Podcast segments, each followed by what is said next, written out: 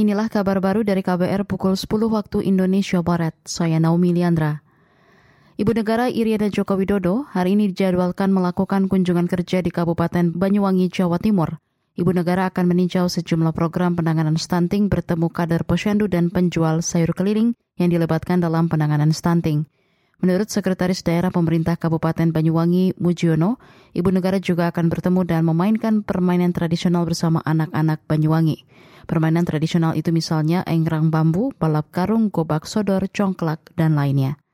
Di Banyuwangi, upaya penanganan stunting terus digenjot pemerintah kabupaten dengan melibatkan berbagai pihak, termasuk membentuk Laskar Sakina yang mengupayakan untuk mengakhiri angka kematian ibu dan anak Laskar Sakina terdiri dari para ibu penjual sayur keliling atau biasa disebut melijoan. Saudara sebagian kalangan parlemen mendesak pemerintah segera mengatasi kelangkaan gas LPG 3 kg.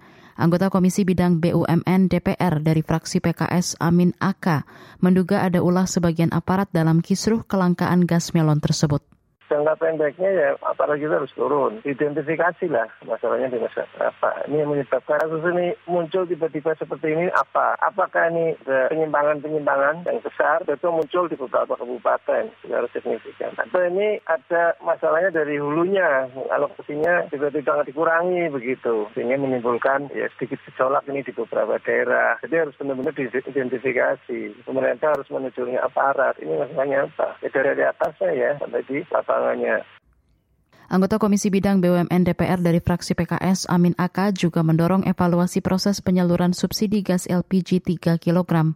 Menurutnya selain validitas data pembeli, diperlukan juga pengawasan dan pemantauan yang ketat di lapangan guna mencegah kebocoran subsidi. Saat ini terjadi kelangkaan gas LPG 3 kg di sejumlah daerah seperti Jawa, Sumatera, Kalimantan, dan Sulawesi. Nilai tukar kurs rupiah yang ditransaksikan antar bank di Jakarta pada pembukaan pasar hari ini menguat 0,10 persen menjadi 15.011 per dolar Amerika dari sebelumnya 15.026 rupiah per dolar Amerika. Sementara itu, indeks harga saham gabungan di Bursa Efek Indonesia pada pembukaan perdagangan hari ini dibuka menguat 20 poin ke posisi 6.919,40.